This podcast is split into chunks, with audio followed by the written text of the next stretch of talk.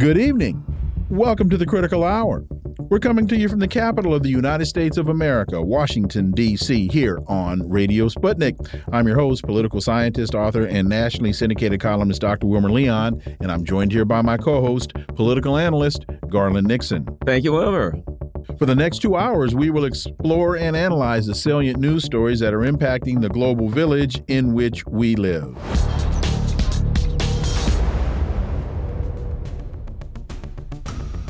There's an interesting piece in Black Agenda Report entitled Canada, Ukraine, and Nazis. Uh, the Canadian government turned what should have been an ordinary photo opportunity with Ukraine's president into a political debacle, with a Ukrainian Nazi collaborator was honored in Parliament. Now, Canada's history of admitting Ukrainian SS volunteers is facing new scrutiny as Russia gains the upper hand in the proxy war with the West.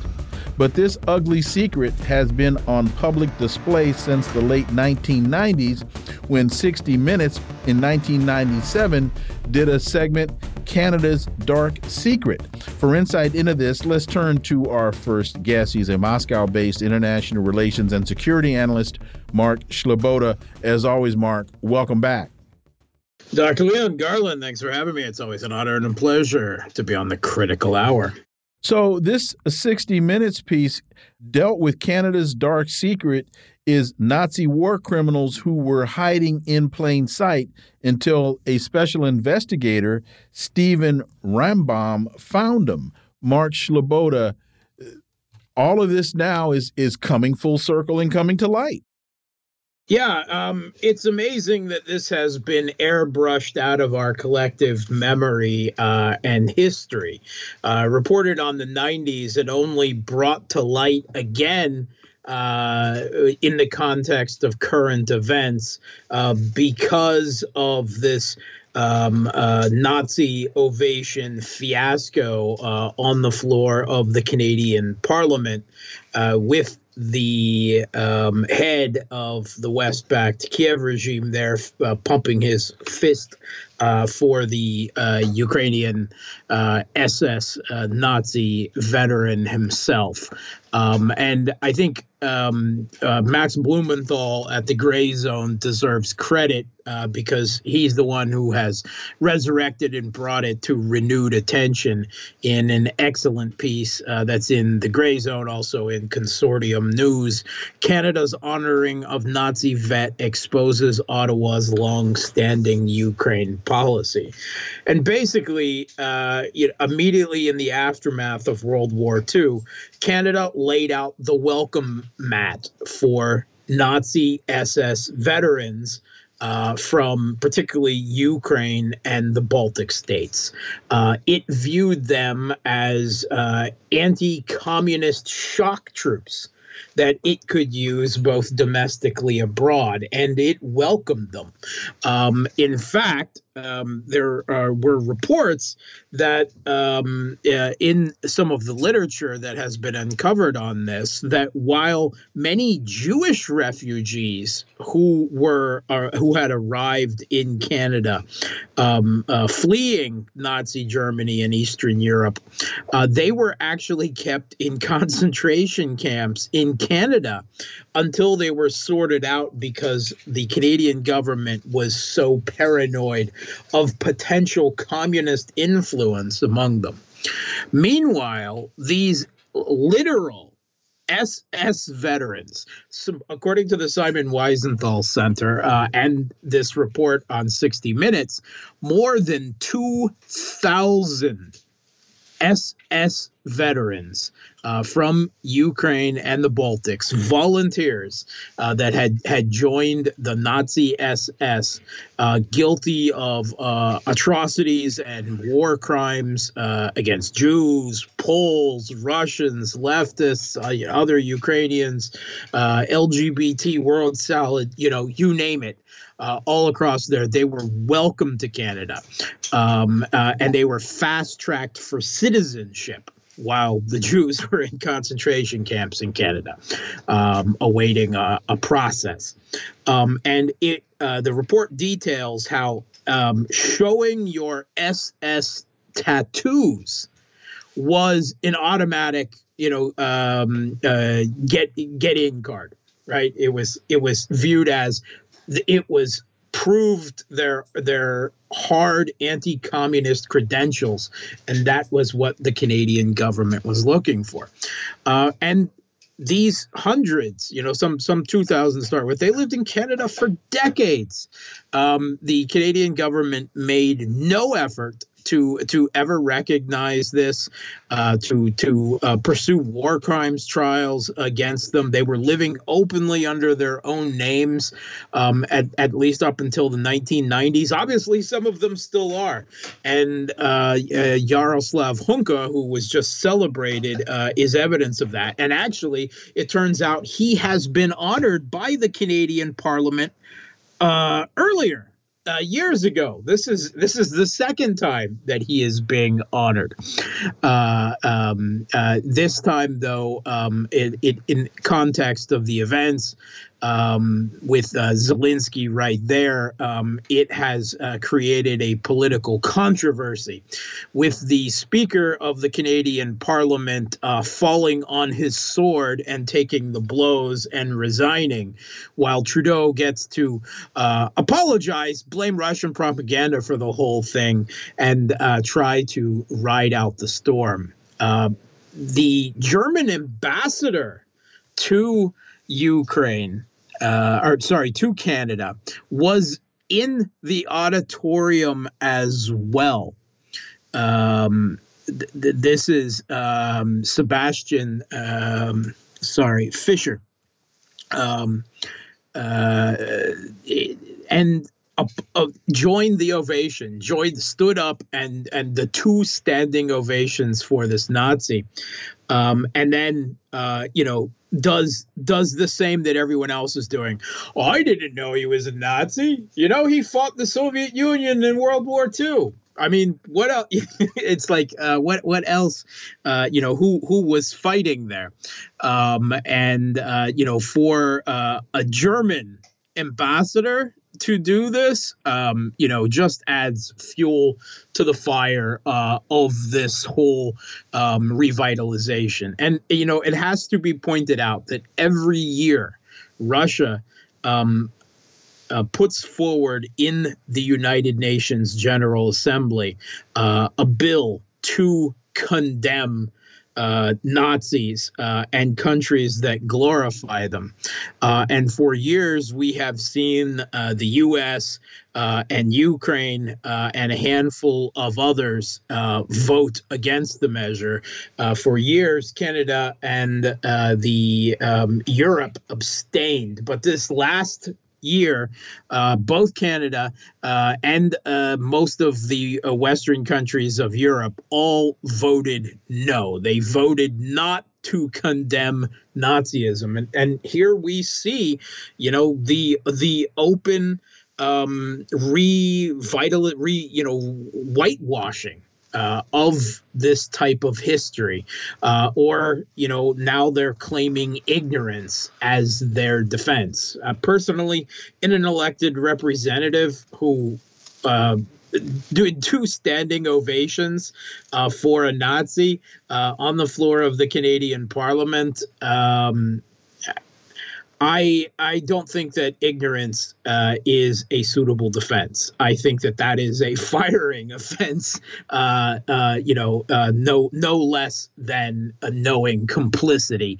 which uh, seems it was far more likely uh, the case. You know, the second part of this ghastly debacle is their reaction. I mean, they can't you know, credibly claim they didn't know who this guy was. If you were fighting the Russians, which they were Sobrelli, yeah, you're fighting the Russians, in Ukraine during World War II, there ain't a whole lot of options on who you were working for. And, you know, you look, you see, I saw pictures of Chrystia Freeland, the a member of the Ukrainian diaspora of questionable uh, history when it comes to fascism. Her grandfather was a Nazi propagandist. Well, I, I, I tell you what, the, when you see the picture of her, she looked like a 14 year old girl at a Backstreet Boys concert. She was the biggest smile, a grin on her face I've ever seen. It's like they did it, and afterwards, when there was the outrage, they were like, What? Huh? You mean we're not supposed to celebrate? Oh man, we didn't see that coming. Uh, Mark Sleboda. Yeah, um, you know, it's amazing that also that no one has addressed Zelensky in this. Thank you. Um, uh, that's um, my that's my yeah, next point. Yeah, yes, go ahead. Yeah. Um, so Trudeau apologized that he put Zelensky through this. Zelensky was pumping his fist. Does anyone believe that Volodymyr Zelensky does not know who the first Ukrainian division, right? The uh, the Galician division, the 14th Waffen SS division was? Now I don't know. I, I don't believe it because Zelensky for you know a year and a half now has been pinning Hero of Ukraine awards on members of his uh, own regime's military who wore the Galician division patch on their shoulder because the same forces in, the Kiev regime today, right? Uh, Azov, Carpathia, Sich, the right sector, C14, now spread throughout the military and the security services. They glorify, as the Kiev regime state does, they recognize these Nazi collaborators officially as the heroes and founding fathers of the new Ukraine that they have been trying to build since 2014. The leader of the organization and of Ukrainian nationalists and Ukrainian insurgent army who worked side by side uh, with these Ukrainian uh, uh, SS uh, in the Galician division uh, uh, in the war crimes and, and atrocities, not against just against Jews, but Jews and Poles and ethnic Russians and leftists and LGBT World Solid, everyone. Um, they, they they worship them in Ukraine today, right? State glorify them. His birthday, Stepan Bandera's birthday, is celebrated as a national holiday on January 1st, right? They have torchlit parades through the streets of Kiev and most Western Ukrainian cities honoring him. This is, an, and it is a criminal offense in Ukraine to deny that they are heroes, right, uh, uh, of the new Ukraine, uh, and and these military units uh, within the Kiev regime, um, you know, that their ideology is entirely based on them. In many cases, their own grandfathers, you know, their forebears uh, served these SS uh, units, which is why it is impossible to take for it seems for the Western mainstream media to take any picture from the front of the Kiev regime forces without some Nazi symbology, black sun, uh, the uh, the uh, German military's cross, um, uh, the uh, Azov uh, Wolfsangel photo bombing creeping into the picture because that's how spread out through the Kiev regime's military and security services this hateful ideology still is. And it has to be said that although they killed Poles and Jews and uh, ethnic Russians and East Ukrainians, more than anything else, who these people killed in World War II were other Ukrainians. Yeah, they killed Russians. Russians were part of the Soviet Union, right? They were part of the Red Army, but so were Ukrainians. And all of these ethnic groups that we talk about, they killed, they were all Ukrainian citizens. And just like the last 10 years in Ukraine, uh, they were killing their own people which is exactly what the Kiev regime has been doing for the last decade, killing its own people who didn't want to live in a Banderite fascist Ukraine that honors uh, SS veterans. Uh, and I, um, I, I just, you know, I don't. I think Zelensky must have been confused. Oh, oh, that's right. You're not allowed. You know, we have to pretend that we don't worship these people here. And just quickly, we've got just about a minute and a half left. To your earlier point about Zelensky, this atrocious behavior does not seem to follow him to the United States. Kevin McCarthy didn't bring it up when he met with McCarthy. Joe Biden didn't bring it up. Hakeem Jeffries didn't bring it up. And I'm wondering how much how much of that is their fear that if they bring up Ukraine and Nazis in Ukraine, maybe George Bush's grandfather, Prescott Bush's involvement in supporting uh, the Nazi regime in Germany during World War II would come up. We got one minute. Far more than that. Politico, right? Not Russian propaganda. Politico last year uh, an expose of Operation Red Sox. In 1949, the CIA dropped hundreds of Nazi veterans that it cultivated as shock troops in an attack on Soviet Ukraine to start a rebellion. This was the, the, the real start of the Cold War. They, the CIA led a Nazi SS U- Ukrainian mm. and Baltic veteran attempt uh, to attack the Soviet Union that failed completely. And they're basically doing the same thing okay. again decades later. Mark Sleboda, as always, thank you so much for your time. Greatly, greatly appreciate that analysis, and we look forward to having you back. Thanks for having me. Folks, you are listening to the Critical Hour on Radio Sputnik. I'm Wilmer Leon. I'm joined here by my co host, Garland Nixon. There's more on the other side. Stay tuned.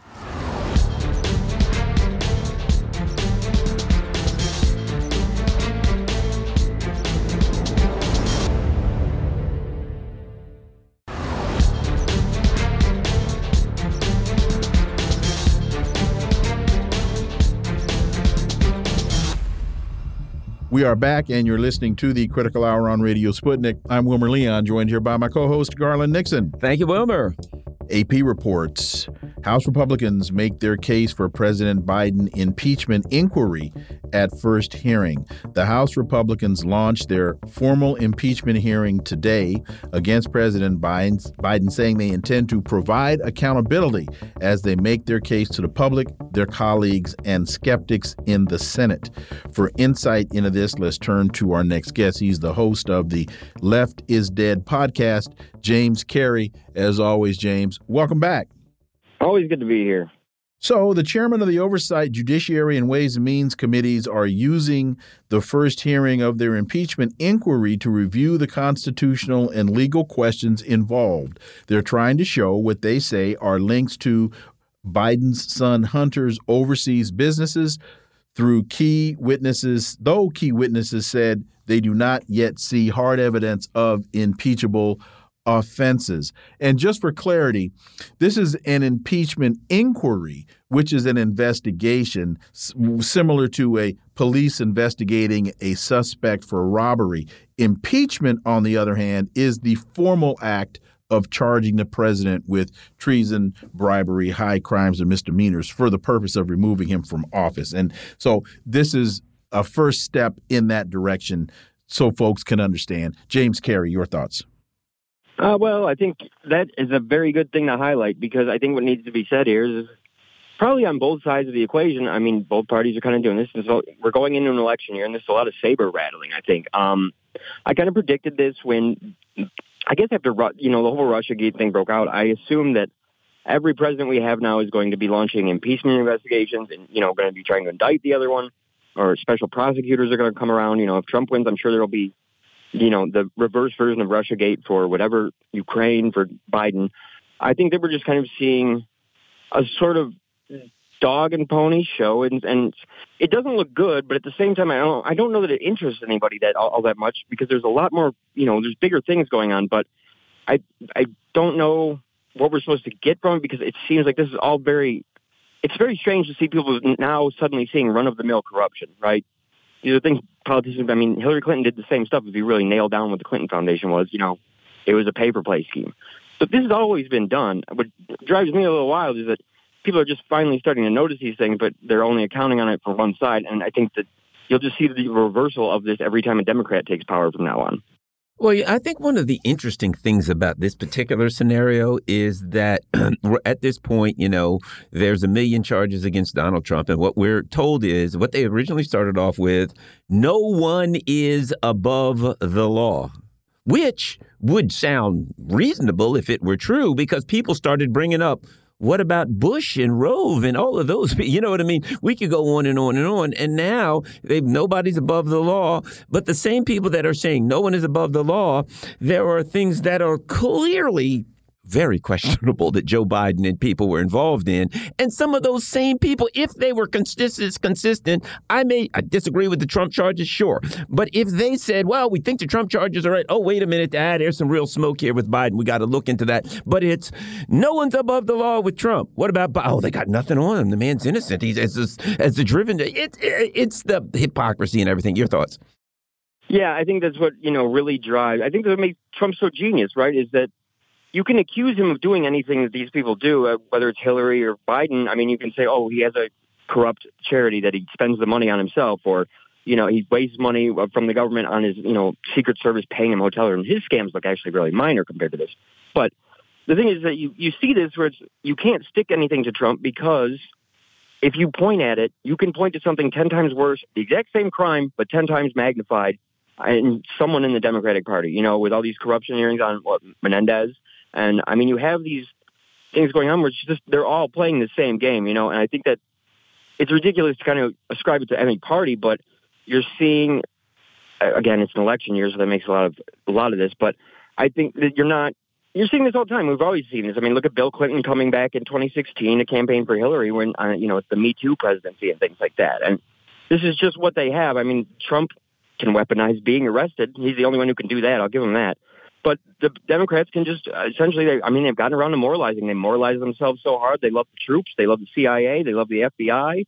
It's it's become wild. But I mean, you take what weapons you can get, and I think we've seen role reversals like this before. You know, it was like the Democrats choosing to run John Kerry to manage the war better in 2004. You know, you see these roles reverse, so the Democrats are kind of absorb what the Republicans are doing, but man, they're not good at it, are they? They're not very likable. They're not very charismatic, and you got a guy who's not really on top of stuff being the head of the party. Um, and then you got Trump, who's probably not really on top of stuff too, but he can talk. You know, he can hold it together a lot longer than Biden. I think you're just seeing that, that there's no charisma against against Trump that Biden can bring. And I, he maybe won in 2020, but that was a stroke of luck thanks to COVID. And I think we're seeing that play out now. Turley testifies at Biden impeachment hearing. This morning, I will testify in the first hearing of the impeachment inquiry of President Biden. The hearing, as a law professor, there's no more solemn responsibility than advising the House on on impeachment. I come to this question as someone who served on both as lead counsel uh, and testified in two prior ones. Your thoughts on Turley's position here, James Carey?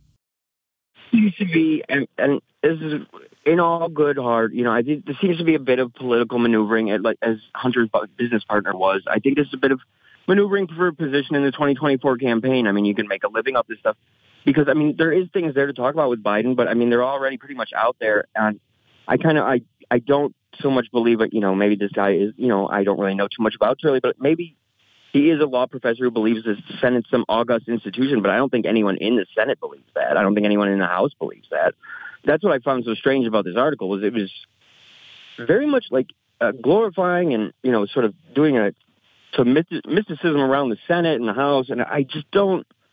I see a lot of people having a tough time caring about this stuff. It seems like RussiaGate to me, where there's just a bunch of names to remember. You know what I mean? There's a lot of stuff that, especially now with inflation up, the Fed hiking rates, people, you know, everybody's out of savings from COVID. We, we now know. I think that I, I just don't know if this stuff interests people. I feel like it's kind of gotten to a point where, yeah, everybody's corrupt. And like I said, the only one it won't stick to is Trump, you know, and that's because his corruption is so much lower brow than everybody else's that I don't think it matters in the grand scheme because Biden is, you know, guy's been in the Democratic Party since they switched from, you know, being the racism party. this is what he's done. So, I mean, I think you're just kind of seeing political theater, and Biden, you know, this law professor's part of it, Biden's a part of it, Hunter's not really trying to be a part of it, but is forced to be now, I think. But that's what you get when you take a gas job with no experience. And I, I think that you're just seeing more political theater. I don't know that this is going to hold people's interest, and I think this is sort of an election year strategy, and I'm not sure how strong the testimony is going to be no matter what comes out of it. I do find something really good in this article. One of the things that he talks about is the short distance between impeachments.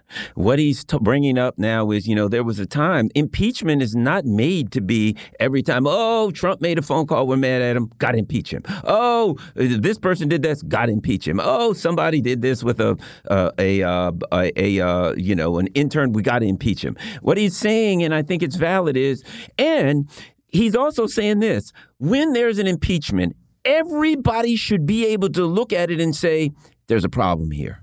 and it needs to be addressed. But now what we get is we get an impeachment. Uh, the impeachments now are the, the the president who is in office. The other party all goes, "My God, we got to take this guy down. This can't be him." Boom, let's impeach him.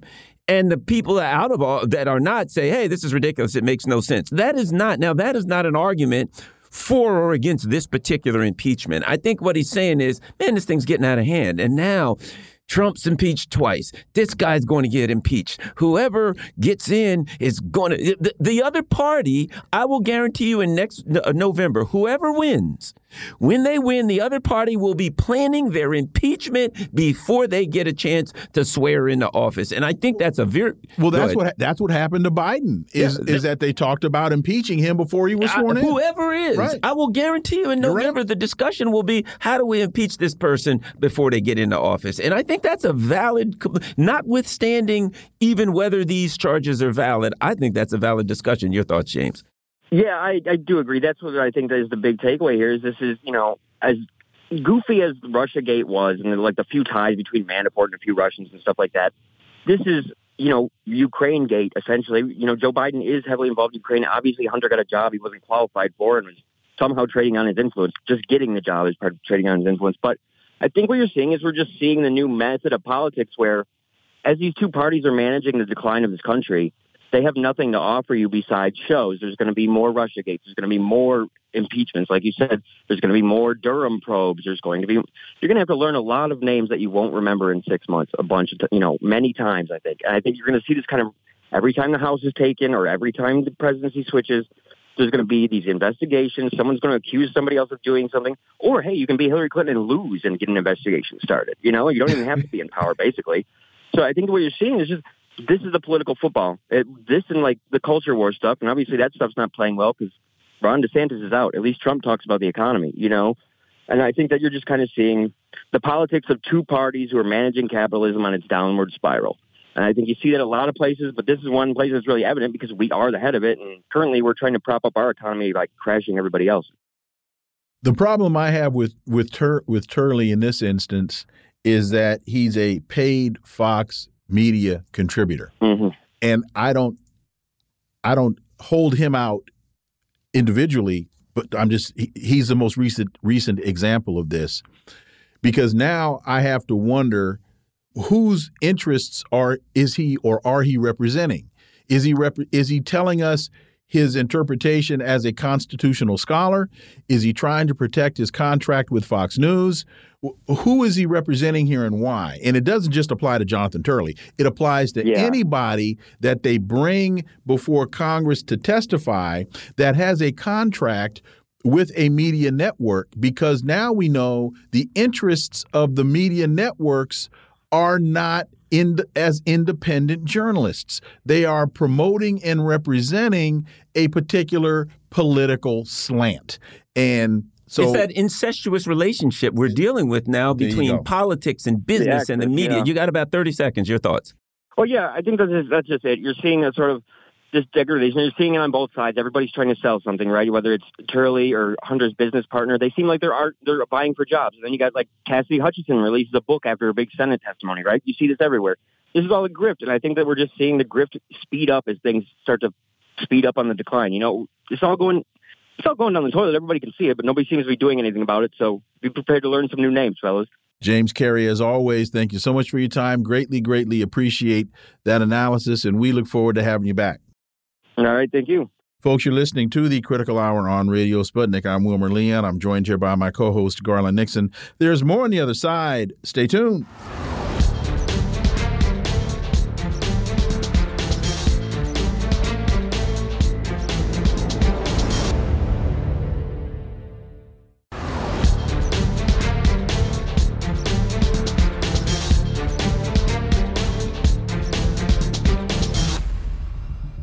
We are back, and you're listening to the Critical Hour on Radio Sputnik. I'm Wilmer Leon, joined here by my co host, Garland Nixon. Thank you, Wilmer. Seven Republican candidates for president faced off at the second presidential debate of the 2024 uh, election season last night in Simi Valley. Again, it was absent of the Republican presumed uh, presumed frontrunner, former President Donald Trump. For insight and analysis into this, let's turn to our next guest. He's a former Maryland Republican Party vice chair and chief executive officer of X Factor Media Incorporated, Eugene Craig. Eugene, welcome back. I appreciate it. Appreciate it. Glad to be here. So I, I must admit, I did not watch the entire debate. I watched about 45 minutes. It was as much as I could stomach. that I thought was just a horrific display. But your thoughts, Eugene Craig? I mean, look, I, I think that um, you have some real winners and some real losers. I think, you know, Trump absolutely was a loser for not showing up. I think it's about time for Mike Pence and Tim Scott to hang it up. Add Burgum there too. Um, I think this thing probably, you know, if we're looking at what say who's the viable number two to Trump, um, that's what people are really fighting over right now. It's mm-hmm. come down to probably Haley or Christie. And um, and uh, if I'm like had had a gun to my head right now, so I had to pick one, I'm probably going with Christie. More importantly, I will do everything in my power to stop Vivek Ramaswamy. well, see, I, I, tell you, I look at it a little differently, and you know, I'm a I'm not a Democrat or Republican to the left of both parties, so I don't have a dog in this fight. But when I watched, I watched the last one, a little teeny bit of this one. What I see is this, and this is why I think Trump is so far ahead you get a lot of people who have the canned kind of package. Oh, we're going to drill more. Oh, I'm going to cut taxes more. I'm going to. The same things that you could listen to the last 15 debates in the last 15 Republican elections, and they will argue over who's going to cut taxes more and who's going to, you know, whatever. Uh, certain things that are canned almost. And Trump does something different. At a time when people are upset with the status quo, Trump kind of runs as the anti politician, as a different guy. And I think that's what gives him the edge. And if they just keep doing what everybody's been doing for 15 years, I think Trump's going to stomp them again. Somebody has to be a little bit different, edgy, and they're all just like, let's have the discussion that everybody's heard a million times. What do you think of that, Eugene? I, I agree with you 110%. Um, and then I think there's also a huge cultural aspect there. Um, in the earlier, I was explaining that, you know, you know, they had asked me about, you know, Trump going to the uh, to Detroit to meet with some auto workers. And I said, yeah, I said, thing is this. I said, culturally, you know, um, Trump aligns with, you know, core auto worker demo, union worker demo. I said, economically, you know, he's probably the antithesis of them. And and and the thing, the real issue is this: the way the primary calendar is structured, um, Trump's going to have a, a chokehold on that on, on those primary voters, not necessarily because he delivers or anything outside of like cultural resentment that he's able to foster and fester for the last decade. Mm, I agree with that. A, a, lot of that is about cultural resentment, and oh. there's a lot of cultural stuff going on here. And but my, my, my thought is that but it just appears that the a lot of the other candidates don't get it. You know what I mean? No, they don't. They, they don't get it. No. Well, well, well, the thing, well, well, the thing is this, right? The difference is this, right? Um, most of them, I mean, and this, this is why we hear the difference between like a Vivek and like a Christie, or like a Burgum and like a Christie, or like a Mike Pence and like a Haley, is that based off of like where their proximity was or how they start or, or their upbringing uh, within the party, uh, that will determine like their, their point of view on things.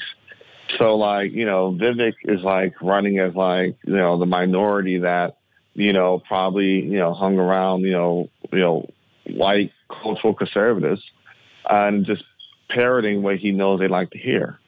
Burgum is a North Dakota guy that literally doesn't understand black and Hispanic issues or is like willfully obtuse about them.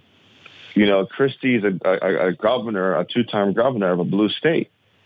You know, Haley's a you know two-term governor of a red state you know, that, you know, one more time at times, you know, can be the establishment of red states can be just as bad establishment of blue states.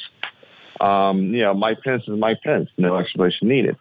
But and so and so, you know, all of them operate a dramatically different lane than Donald Trump, who, you know, essentially foray into Republican politics was, you know, essentially being a Fox News commentator, you know, CPAC pop upper, and then said, all right, you know, this little gas that, you know, the, the fire that Breitbart and Ted Cruz lit, I'm just going to throw 10 years of gas on it. He said, oh, Steve King said, oh, you know, these folks are coming over with like calves the size of, of, of cantaloupes.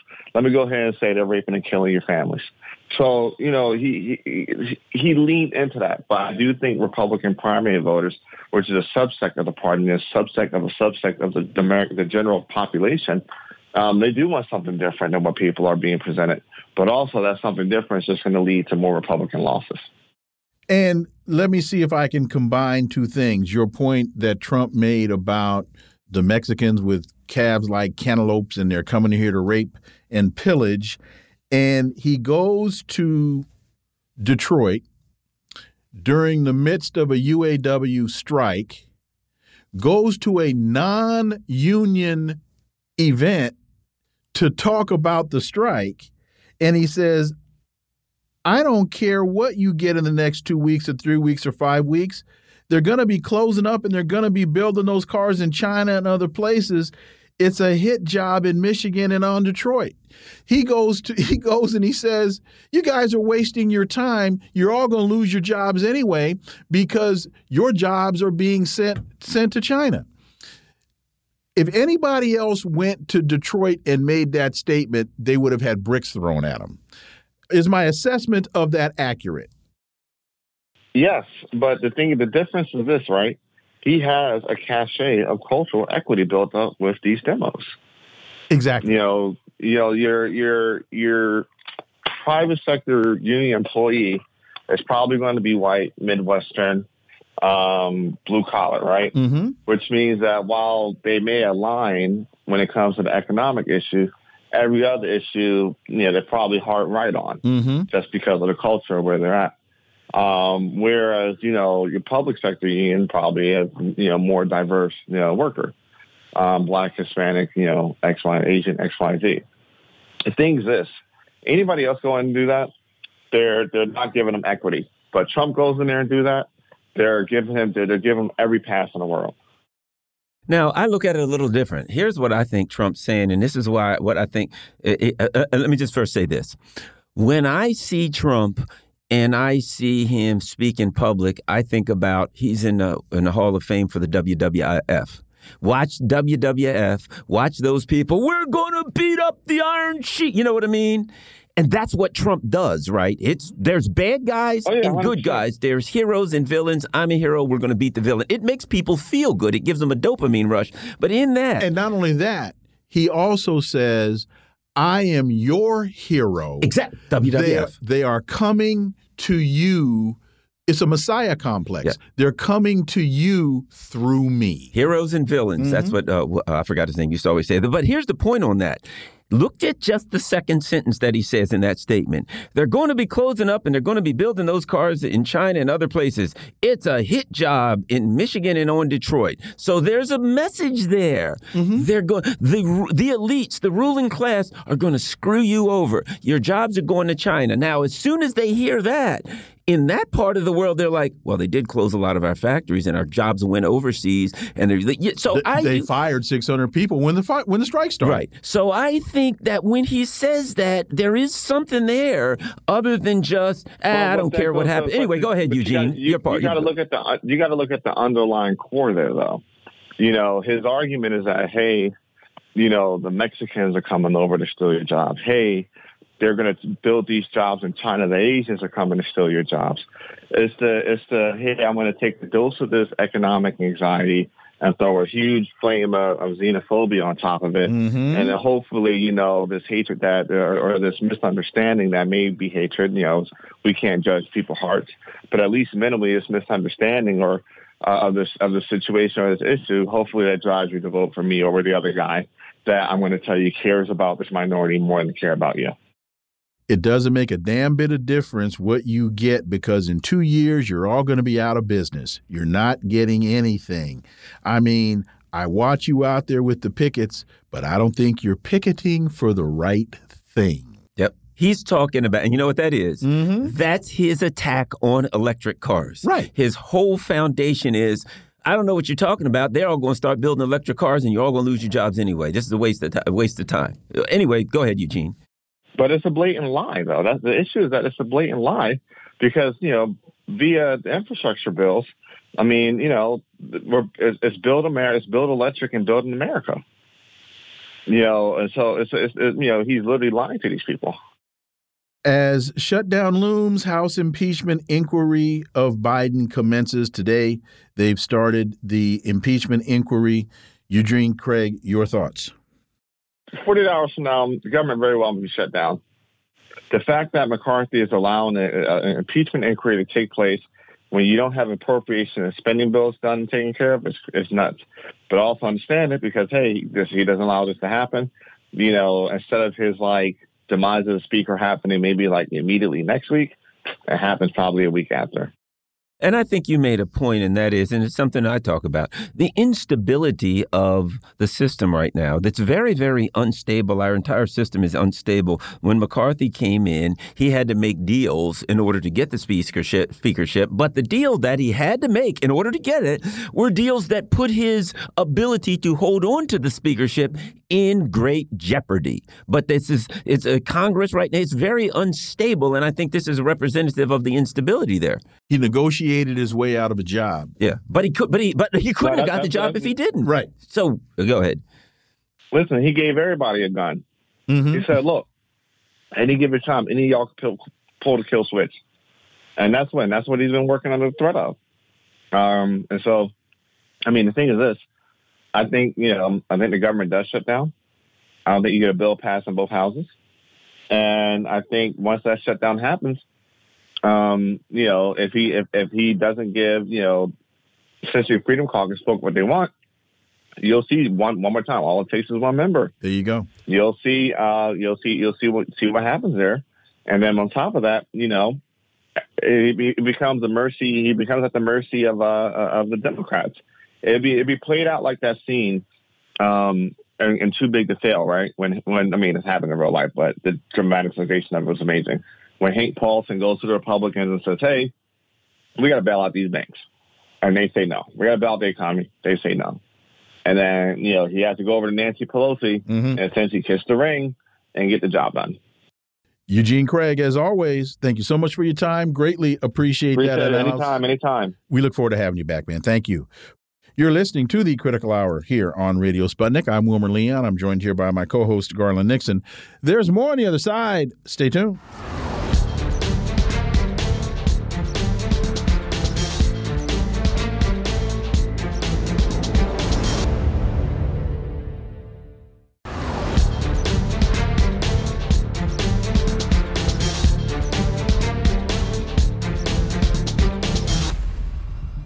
We are back, and you're listening to the Critical Hour on Radio Sputnik. I'm Wilmer Leon, joined here by my co host, Garland Nixon. Thank you, Wilmer. There's a very interesting piece in Black Agenda Report entitled Canada, Ukraine, and Nazis.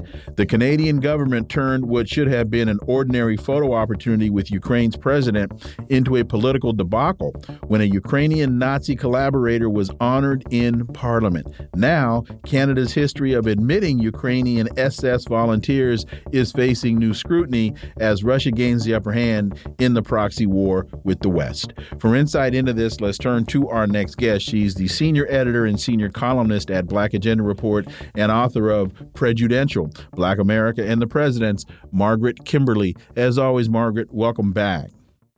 Good to be here again. Thanks. You write, there is something especially satisfying when one's opponents help make a case for the something they have denied. Recently, the Canadian government did just that.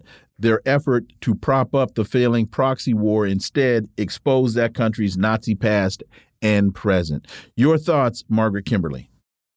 Well, this was uh, this is the amusing part of the story. You know, as you as you both know, uh, Ukraine has this history of Nazism. You know, it's a divided country with uh, I'm generalizing greatly here, half the country uh, being content to have been part of the Soviet Union, the other half hating the Soviet Union, so much so that when the Germans invaded the Soviet Union, there were many Ukrainians who openly collaborated with the Nazis.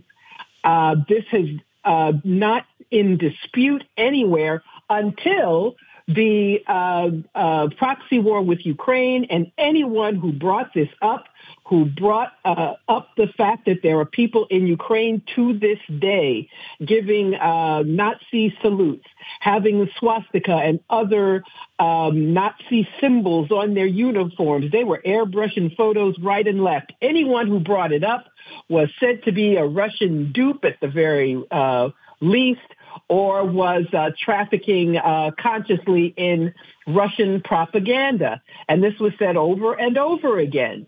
But the Canadians, who have a special history of admitting many of these folks to Canada, after World War II, during the Cold War, um, has had this problem with monuments to these SS units. These were volunteer units, by the way, so nobody was forced into them.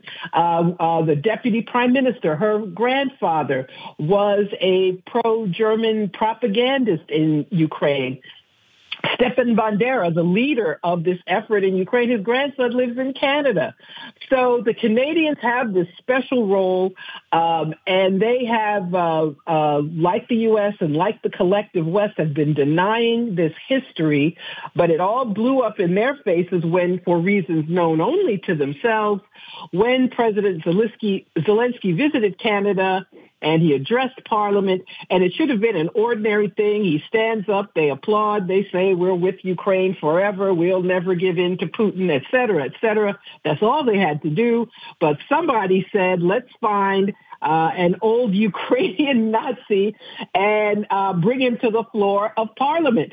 And he was introduced as someone who fought the Russians during World War II. Well, in Ukraine, that means Nazi, period the end. Of course, it all, uh, they couldn't keep uh, uh, this lie going forever. It was too big a lie. It was too obvious. It made too many people angry, including the Jewish community in Canada. And there was backpedaling. Uh, uh, Trudeau apologized. They shoved the Speaker of the Parliament under the bus. He had to uh, resign. But the good thing is, is that they exposed what I and many other people have been saying for a long time. They can't hide it anymore.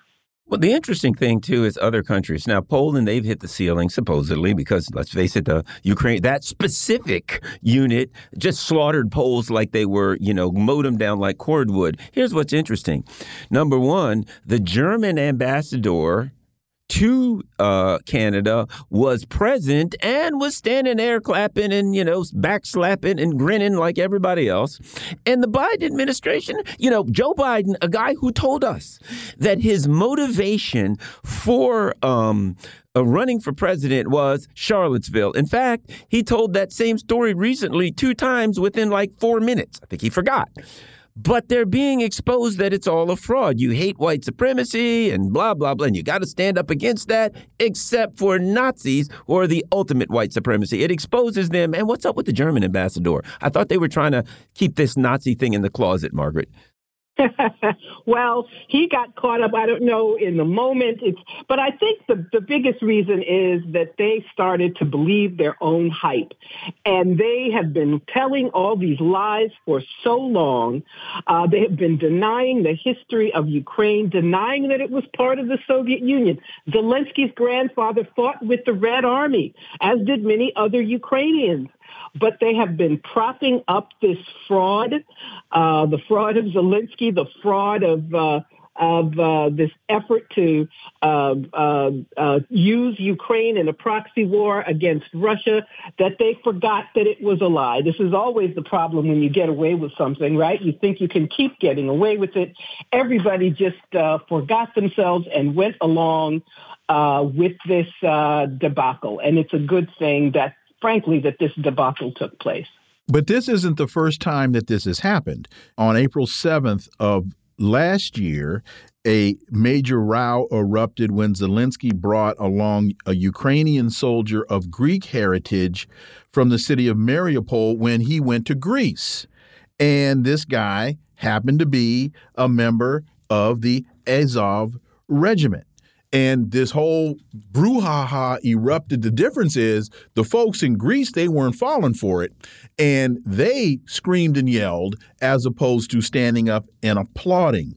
And so, with that history, Zelensky goes to Greece, brings Nazis. Zelensky goes to Canada, they find Nazis. He comes to the United States with this history and with this baggage. Kevin McCarthy doesn't ask him about it. Biden doesn't ask him about it. Hakeem Jeffries, while escorting Zelensky through the Cannon House office building, doesn't ask Zelensky about his affinity for Nazis. And I sat back and I started asking myself, well, why is this why won't they why isn't Zelensky being tarred with the same brush? And that made me think about George Bush's grandfather, the late U.S. Senator Prescott Bush, who was a director and shareholder of companies that profited from their involvement with financial backers of Nazi Germany.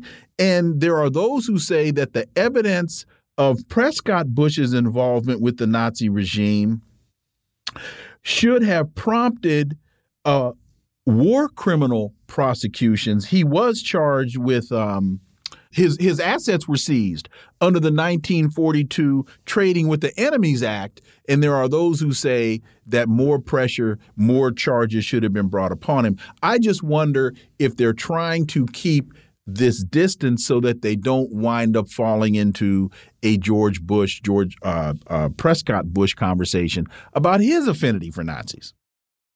Well, it's not. It's yes, it's important to to bring up uh, the story of Prescott Bush, of uh, Ford Motor Company mm-hmm. doing. There was uh, many corporations and banks that were doing business with Hitler's Germany, um, and uh, it's something that nobody likes to talk about because the Nazis are the epitome of evil, we are told. Uh, and so it's very, it's an inconvenient truth mm-hmm. to bring this up. And now, of course, it's all been swept under the rug in this deal to, to weaken Russia, as Lloyd Austin uh, put it.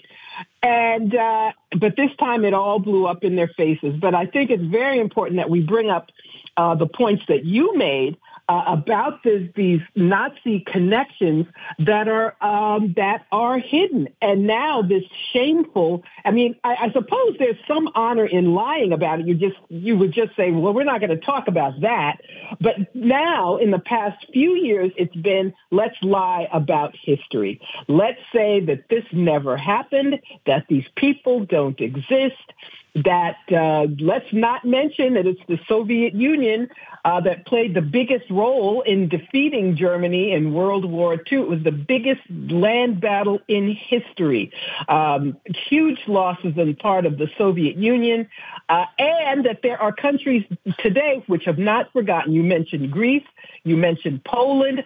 Some of these countries, they will, they may go along uh, with this uh, Ukraine proxy war, but they are not going so far as to forget their history and to be silent about it. Well, and, and, and one other quick point is that is that you you mentioned the Red Army and, and, the Soviet Union's role in World War II. Then we have to get into well, what was the really the, the, the beginning of this conf this current conflict that we're in? It was their lying to the Soviet Union about reuniting East and West Germany. And NATO would not move any further eastward towards the Soviet Union, and all of those lies, that then starts to unpack that knapsack, and that's a conversation that they just don't want to have. Exactly. So we're uh, uh, Russia's president at the time, Gorbachev, who, mm-hmm. uh, as far as I'm concerned, goes down as uh, the biggest chump in history, who's so busy cozying up to the West. Uh, he threw all caution to the wind. He could have kept uh, Russian troops in eastern Germany. The U.S. didn't take any troops out of, of Europe, mm-hmm. but he went along with this plan. And obviously, the U.S. Um, decided that this was an opportunity uh, to expand its power in Europe. And all of these countries that were either Soviet republics or members of the Warsaw Pact are now members of NATO. But these are people who uh, uh, are greedy, who never stop. And so it's not enough for them to uh, have surrounded Russia with NATO nations. They want to have Ukraine as part of NATO. And it, it has prolonged this war. It's killed thousands of Ukrainians, and it's all coming to an end. Uh, and maybe I'll come back sometime and talk about the indications that they're now trying to get rid of Zelensky. Oh, we've been we've been talking about that. We've been talking about that. Okay. You better watch Great. his back. yes, he should. he should. They'll they'll escort him through Congress today and find somebody to replace him next year. Biden's nervous about the election. They know most people do not want all of their money going to Ukraine, propping up the entire Ukrainian government. People who don't have pensions here are supporting the pension system in Ukraine. Mm-hmm. There would mm-hmm. be no Ukrainian government if it weren't for the U.S. And now they're nervous and they're trying to uh, backtrack because Russia is winning. Russia has been fooled too much. Uh, they lied about the Minsk Accords. They lied when there were peace talks going on early in the conflict, and they are not having it anymore. So they have created a huge problem for themselves. And the best thing that could happen is that this one lie was exposed and cannot be hidden anymore. Margaret Kimberley, as always, thank you so much for your time. Greatly, greatly appreciate that analysis, and we look forward to having you back. Thank you so much. Folks, you're listening to the Critical Hour on Radio Sputnik. I'm Wilmer Leon. I'm joined here by my co host, Garland Nixon. There's another hour on the other side. Stay tuned.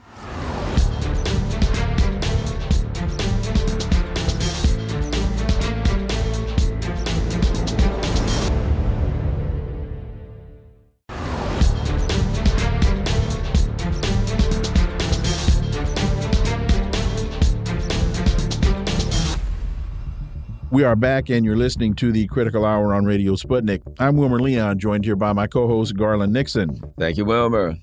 Sputnik International reports Iran's Raisi says successful satellite launch shows futility of threats and sanctions. The Islamic Revolutionary Guard Corps, the IRGC, launched the third of its Noor series satellites into orbit yesterday aboard a Qased carrier rocket. The satellite will engage in intelligence collection, according to the IRGC. What signal does this send to the West? Well, probably the time of Iran being a second class world citizen is over, and it's time to take Iran seriously. For insight into this, let's turn to our next guest. He's an award winning broadcaster and journalist based in Beirut, Lebanon, Laith Marouf. As always, Laith, welcome back. Great to be with you. So, President Raisi said the production and placing of the Iran Noor 3 satellite into orbit of 450 kilometers from Earth using the Iranian satellite carrier Qased once again showed that threats and sanctions have no impact on the determination of our young scientists for the progress and excellence of Islamic Iran. You know, Laith, a similar thing can be can be said about China as well. Laith Marouf. Well, uh, clearly, Iran is one of uh, less than a dozen countries on this planet that uh, have a complete indigenous space program that goes from A to Z. Um, they're also clearly going to build a constellation of satellites, as the official the Iranian official said, that will be monitoring all uh, foreign intervention in the region and helping them uh, add more security to their country. This is uh, comes at the same time, by the way, that Iran uh, announced uh, that they uh, have produced one, um, the only FDA-approved drug for brain stroke recovery. Now becoming Iran, becoming the only second country in the world that has this uh, drug. That shows you how Iran's scientific advancements are um, not being affected by the Western sanctions. And uh, now Iran is at a stage that is beyond uh, being affected ever by those sanctions again. Also, um, in looking at this, you know, here's the first thing that I think all this discussion of Iran getting a nuke, Iran being close to a nuke, when you see the kinds of scientific breakthroughs, the scientific achievements that they've um, that they've achieved in recent years, it's clear that if Iran wanted a nuclear weapon, they could have long since had one. The only reason they don't have one is because they don't want one. So the futility of continually arguing they're close, they're close. Well, they're they're no closer than they want to be. They don't have one because they don't want one at this point in time. Your thoughts, Laith? Yeah, and they don't need one. It's not only that they don't want, want one, they don't need one. Of course, clearly from uh, what we see from uh, this uh, discussion of the satellite launching, they are capable of delivering a nuclear weapon. Clearly, from being building all these nuclear reactors and uh, the whole uh, um, you know cycle of production that you need for nuclear reactors, uh, Iran can produce a nuclear weapon if it wants to, but it doesn't need it because it has the you know what's needed right now for the modern warfare, as we see on the battlefield of Ukraine. Um, uh, it has all of those weapons that can defeat Western invasion. And I don't think anyone um, right now on this planet will use a nuclear weapon. And this is why the UN, United States is really scared of the situation in Ukraine because it knows that um, it is not in a position to use a nuclear weapon. That's the end of humanity. And the rest uh, of humanity will look at it forever in a bad way. So we're moving now to a world where uh, these democratization of uh, military technology with these drones and sonic, uh, super hypersonic missiles, what have you, have leveled the field, the playing field for uh, much of humanity, and the United States is trying to uh, avert this new democracy that's uh, emerging. You know, your point is very interesting, Laith, because what you've just articulated counters the accepted logic of nuclear weapons, though that being of a deterrence. What I mean by that is the United States developed the nuclear bomb. Russia then started a program to counter the United States aggression. India developed the bomb. Pakistan developed the bomb to counter India's aggression. I think it was that that's the order. Now Israel has the bomb. Now that's the worst kept secret in in in world history that Israel has nuclear uh, nuclear weapons. One would think, and the logic is, oh, Iran is has to develop a weapon to counter Israel, and you're saying no, that's not necessary, and that there's a a, a different technology, uh, hypersonic weapons that Iran has developed, they don't need a bomb because they're choosing to protect themselves a different way. I, I think is that an accurate summary of, of, of your position? Yes, of course, and and clearly we see on the ground the change that happens in Palestine, for instance. Look at the Palestinian resistance uh, taking on the Israelis, the nuclear weapon um, superpower and defeating them. Israel having to stop each of the wars that we saw over the last three years in in in uh, Gaza, and the wars getting shorter and shorter because Israel cannot maintain um, its uh, its attacks on Gaza. So that shows you that with this democratization of technology, weapon technology that we saw with the drones and uh, the guided missiles. Uh, the only way a, pa- a power can stay like that, Israel or the United States in Iraq or Syria, is uh, is if they have support on the ground. And clearly, uh, Israel is at its end because there's no support on the ground that can maintain it. And if Israel uses a nuclear weapon to uh, deter the Palestinians. And this is, you know, look at look at this. Israel has more interest right now to start a war with Iran, so it can use a nuclear weapon. It can't use it against the Palestinians. That's why the world has changed. We see uh, different tactics being used that, that are uh, making it harder for the big players, nuclear powers, to actually bully uh, nations around this planet. And just for accuracy, I left out South Africa. South Africa okay. had capabilities and dismantled their program. Okay. I left that out. Al Mayadeen reports Israeli media says that the Saudi officials have canceled plans to visit the Al Aqsa Holy Mosque due to anticipated criticisms and repercussions. Your thoughts, Laith Marouf? Yeah, this is comes after, of course, two weeks of this hype about um, normalization between the Saudis and Israel. We talked about it multiple times here on the show. And uh, clearly, if the Saudis' intention is to give a Muslim okay sign for the existence of uh, the Zionist state, that will require them to uh, come to the Aqsa Mosque. And if they would have arrived at the Aqsa Mosque, they would have been humiliated like the previous Bahraini and Kuwaiti and Emirati uh, citizens that walked through the Aqsa Mosque and got uh, thrown out by the Palestinians and humiliated because of, you know, although Palestinians want to liberate Al Aqsa Mosque and want more Muslims to have the right to pray there, they don't want those Muslims to go through uh, Israeli checkpoints and Israeli um, authorization to arrive to this holy site. They're supposed to be able to come freely and from uh, by permission of the Palestinian people, the owners of this land. And so this is a uh, tells you a lot. Um, you know, this normalization, again, we spoke about it last, yesterday on this show.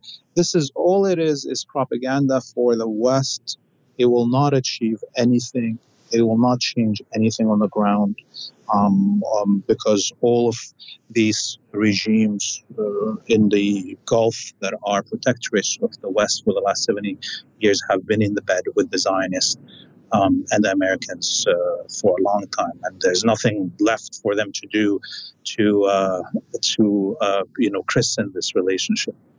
So, if I understand what you're saying, the Palestinian position is for the Saudis to come to Al Aqsa Mosque, they're then having to capitulate to the Israeli position of control. And that they say if you if you feel compelled to capitulate to the Israelis, don't bother coming. Oh, yeah, because if you're going through Israeli authority to enter the land, then you're acknowledging that mm-hmm. authority. Mm -hmm. And this is the, the important ideological position. Palestine should be liberated um, before anybody comes to Jerusalem and uh, Al Aqsa Mosque. And uh, that, you know, anyone that wants to come to the Aqsa Mosque must work for the liberation of Palestine to achieve that goal. Not come on top of the Palestinians through a through uh, agreement and uh, uh, authorization of the occupier. Israeli airstrikes hit several targets in the Gaza Strip on Tuesday, the IDF said, after Palestinian protesters uh, came for the 12th straight day um, to the area. And uh, there's been a number of clashes. Apparently, like 11 people were shot. Um, what do you know about this, Laith? Well, this is, uh, you know, a continuation of the Palestinian tactic uh, for those who are imprisoned in the Gaza open air prison to come to the um, border and uh, make sure that the world remembers their existence. And as we see, uh, if we remember the um, a few years ago when this uh, kind of movement started with the uh, right of return demonstrations. Hundreds were killed, uh, journalists and uh, first aid uh, workers, and of course, children and women. And uh, the world still didn't listen. Um, you know, we, we hear a lot of times people talking about why can't Palestinians do something like Gandhi, and and Palestinians do it on a daily basis, as in this situation. Um, and uh, the Israelis on a daily basis commit war crimes in front of the whole world, and uh, nothing is done from this world. That's why the Palestinians have to depend on themselves and continue resisting this uh, colonialism and apartheid without um, care for what is the opinion of the world. The New Arab reports third Bahraini uh, Bahraini soldier dies after Saudi Yemen border attack. A third Bahraini soldier stationed in Saudi has died following an attack on the Saudi Yemen border blamed on the Houthi rebels by Washington. Every time we believe that there's a cessation in violence and that we're moving closer to a longer peace I, am very careful to, to how I use that word. In in in this conflict, uh, we wind up with with with things erupting. Laith Marouf. Yeah, I mean, look, uh, the Bahraini soldiers that were killed were part of a force uh, of occupation um, that are on the border with Yemen. They've been shelling Yemeni villages uh, across the border, and they got what they deserved. Of course, uh, looking at what's happening in Yemen, um, I don't know how fast any peace will come to Yemen. There's too much um, that um, money involved. You know, much of the gas and and uh, oil of Yemen has been looted for the last 10 years, just like the gas and oil of uh, Libya, and is flooding the black market, which is keeping the price of uh, gas and oil, um, as we see, lower than what China, Russia or Saudis would like. So I don't know how much um, they, I can put into the talk of peace in Yemen until mm-hmm. I see a complete withdrawal of occupation forces. We will continue to see this tit for tat uh, happening across uh, on a on a lower intensity than it was before, but it's it's still going to be there. Laith Marouf, as always, thank you so much for your time. Greatly, greatly appreciate that analysis. We look forward to having you back. Enjoy your evening. Yeah, have a great evening. Thank you. You are listening to the Critical Hour here on Radio Sputnik. I'm Wilmer Leon, joined here by my co host, Garland Nixon. There's more on the other side. Stay tuned.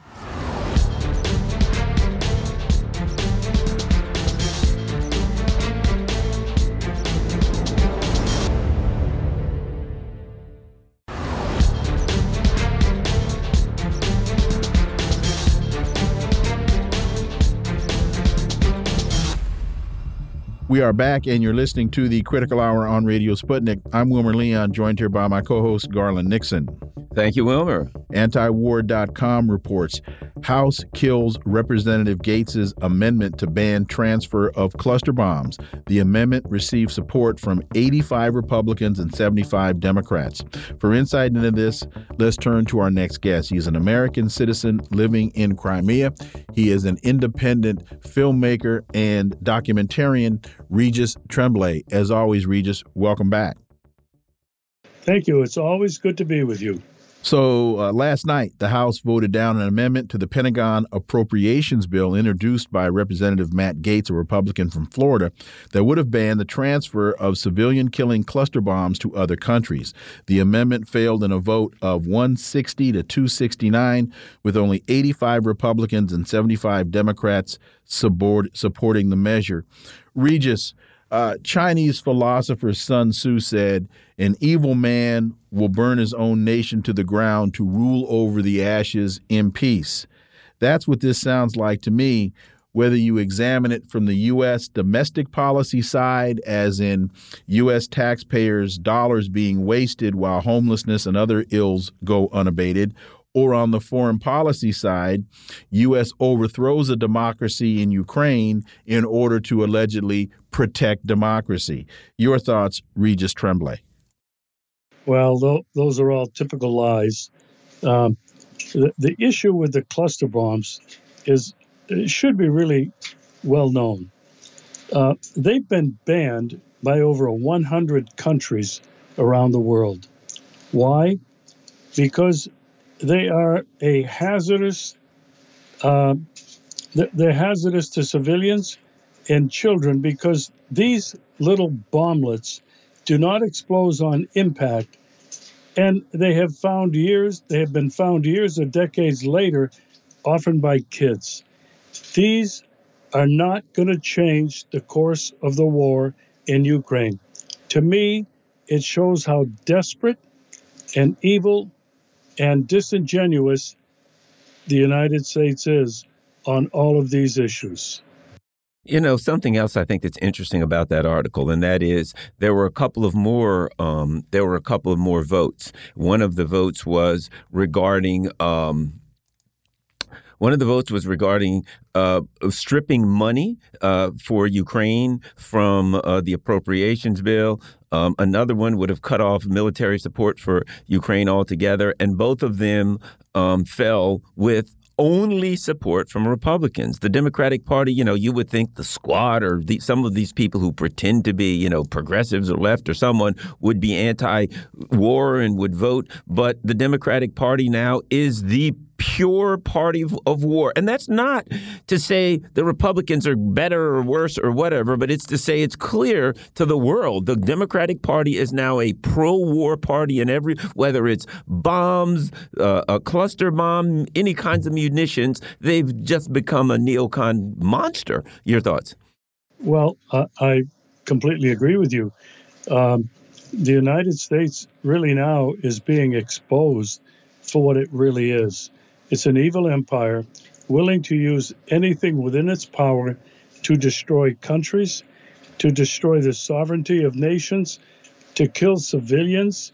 They don't care how many they kill, just as long as they accomplish their goal. And the goal in this particular instance has always been to destroy Russia, to weaken Russia, to take it down, to balkanize it, and to steal its resources. There's uh, also another interesting development here. Ukraine asks West to bomb drone factories in Iran and Syria. Kiev made the request in a document submitted to the G7 alleging Western components are in drones in Russia that, that Russia is using in Ukraine. Ukraine asked its Western backers to bomb drone factories in Iran, Syria, and in Russia. Regis, talk about just the utter insanity of of an act like that. That would definitely push us into world war. Well, it's not just the insanity; it's the duplicity, it's the disingenuousness. Uh, the United States has been using all of the NATO countries to use former Soviet weapons that are not very effective to use their own arsenals of weapons to attack Russia in Ukraine. Uh, uh, how is it that the United States can can condemn Russia if it is indeed using weapons from Syria and Iran? The duplicity, the lies, uh, uh they just uh, beyond belief. I mean, I'm just so disgusted and angry with these continuous lies and duplicitous actions of the United States. Well, you know, that also shows something also uh, additionally that Ukraine is not a sovereign nation. That is just a puppet operation for the neocons in Washington. I mean, Ukraine supposedly they're fighting for their independence and sovereignty and blah blah blah blah blah, right? But recently they were talking about how terrible China was, how they needed to stand up for Taiwan. Oh, it's Iran, it's Syria.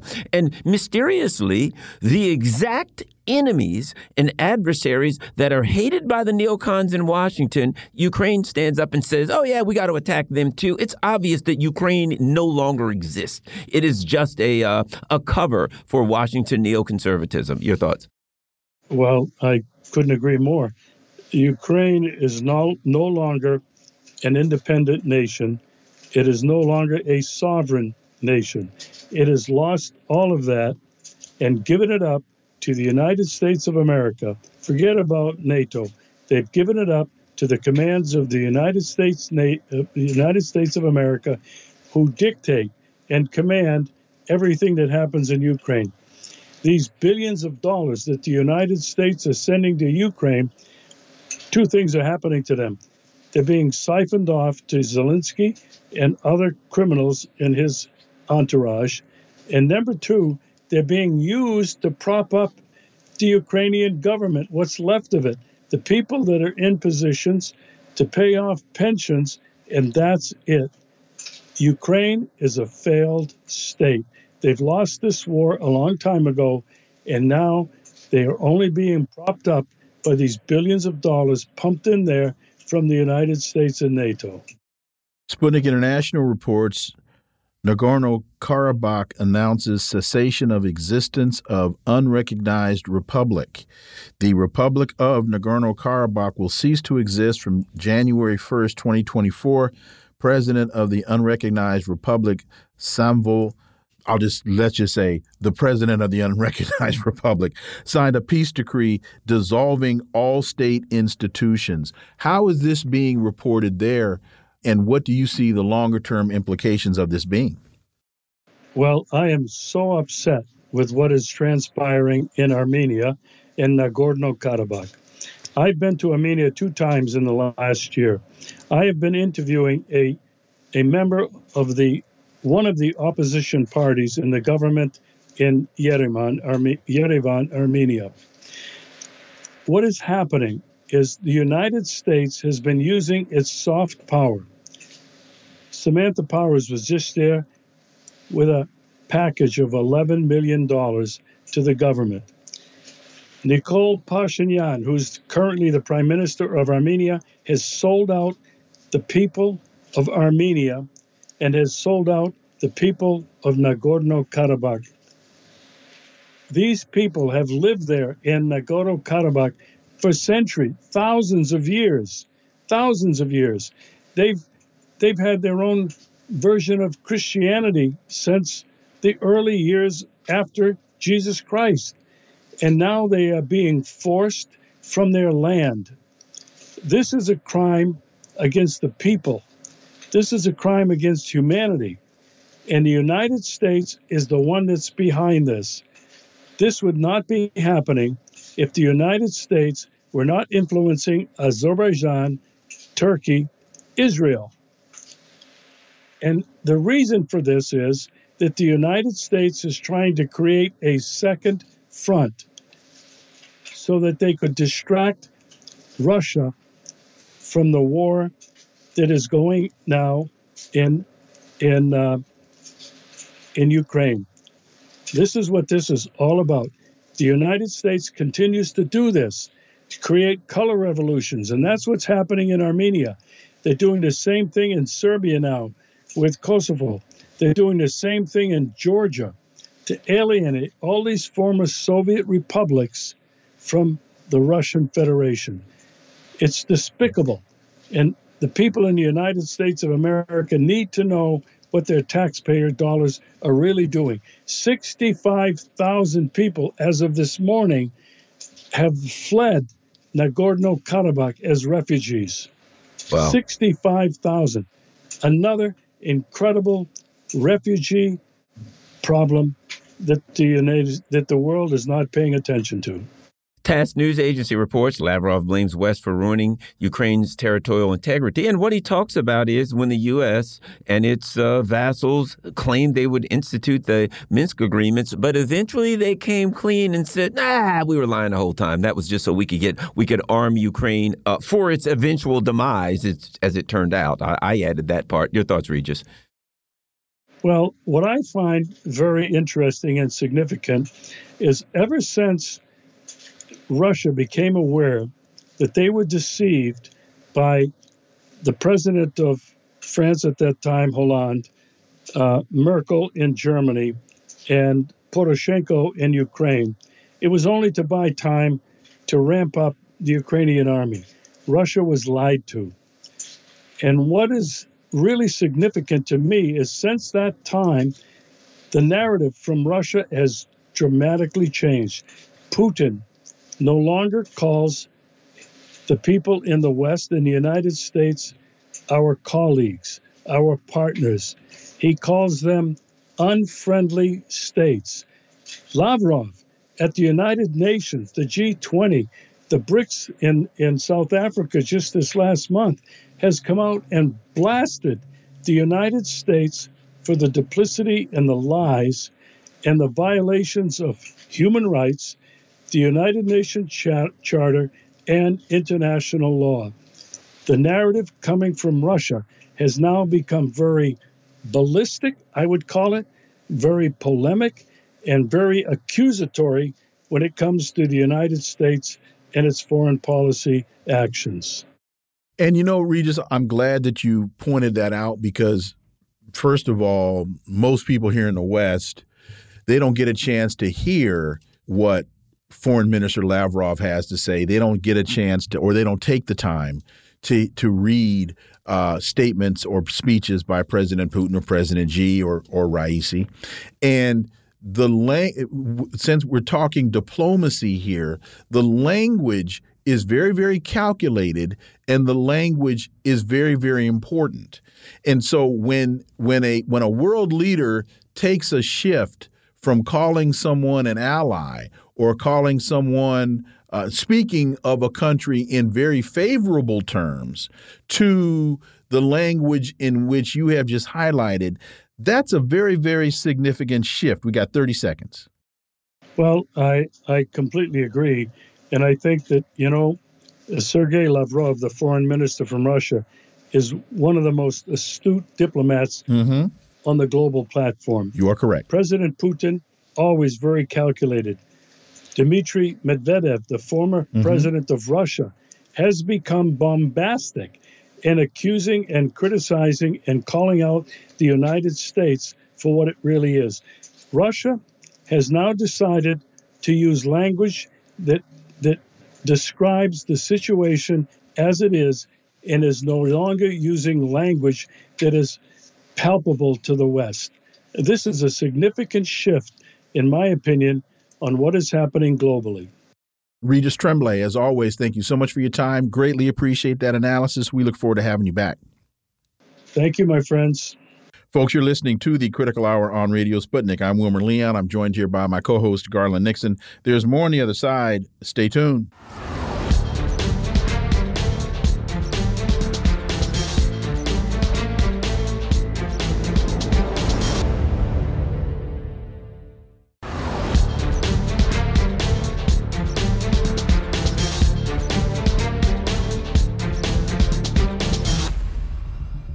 We are back, and you're listening to the Critical Hour on Radio Sputnik. I'm Wilmer Leon, joined here by my co host, Garland Nixon. Thank you, Wilmer. Dr. Epstein says internet content is controlled by two big brothers. This is in an interview with George Galloway. For insight into this, we turn to our next guest. He's the co host of the Convo Couch and AM Wake Up on Rokfin, Craig Pasta Jardula. Craig, welcome back.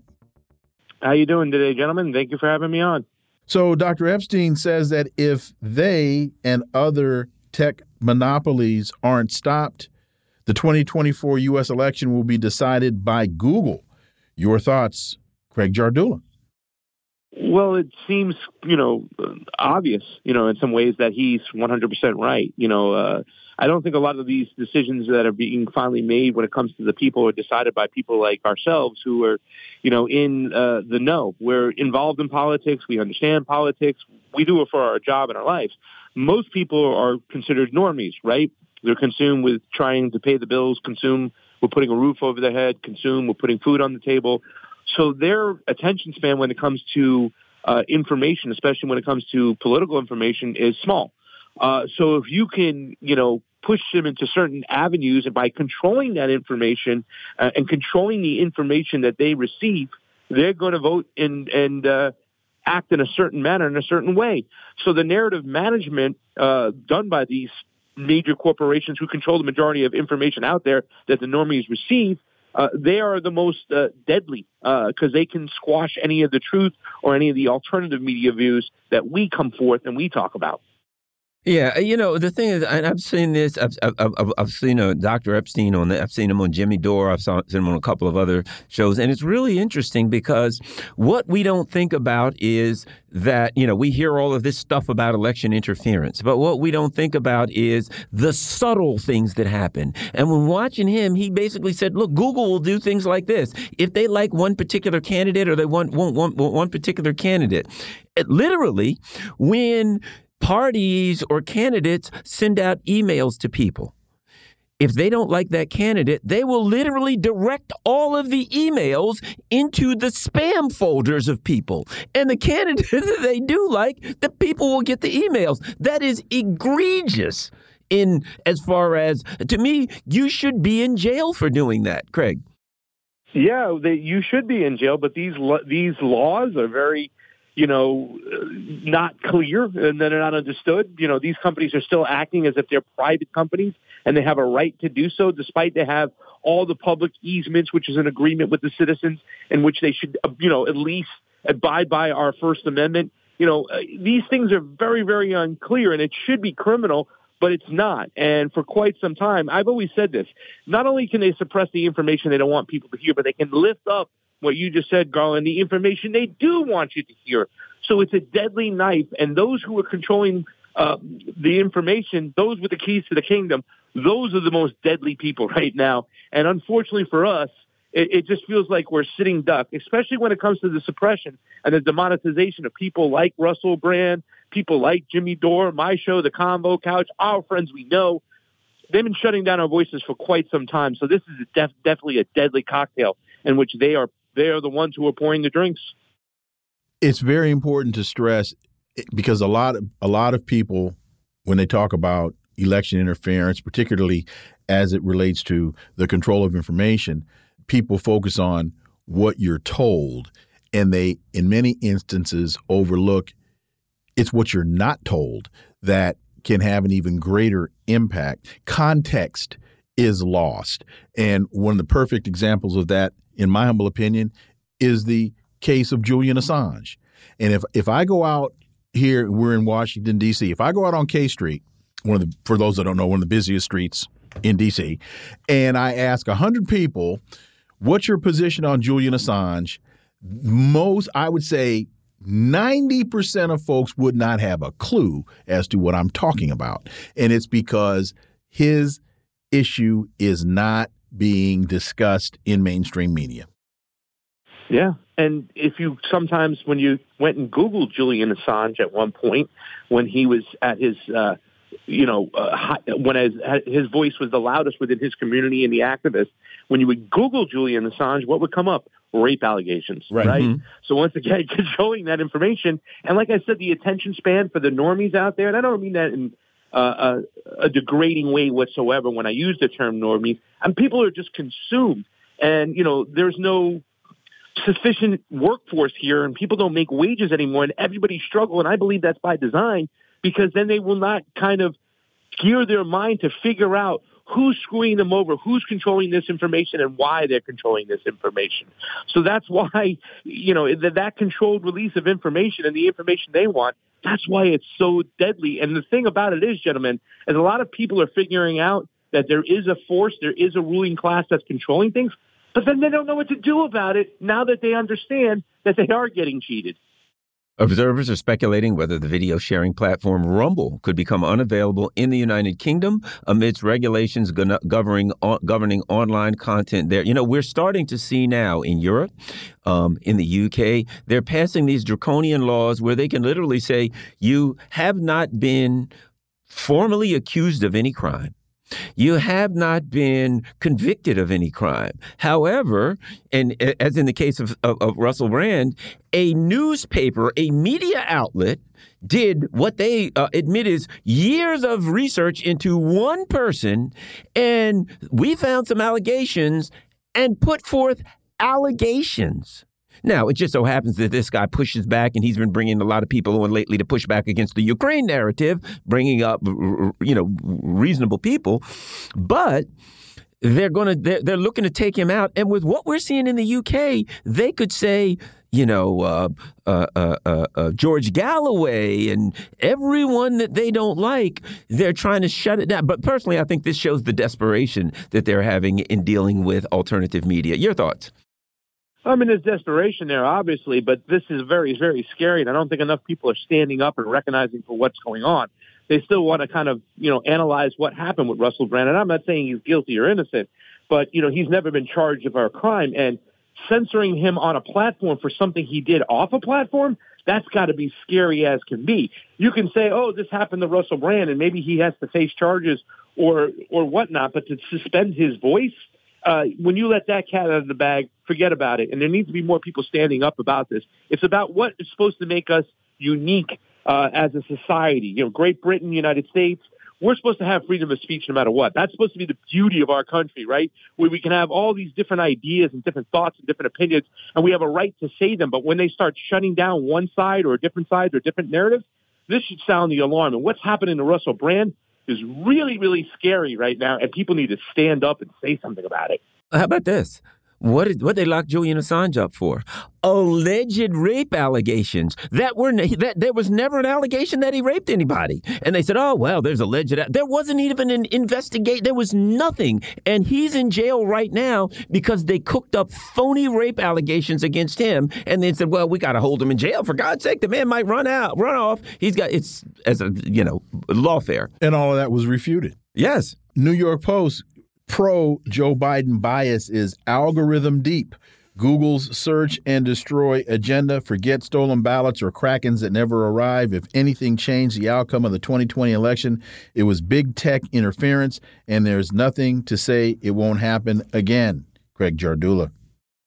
Oh, you know, when you talk about these entities, right? Smedley Butler talked about it years ago, the war machine, right? A war is a racket, and you have this group of people, I like to call them the ruling class, otherwise known as the predator class that all work together, whether it be big tech, big pharma, military industrial complex. They have to control the narrative. They need to get their scam going on.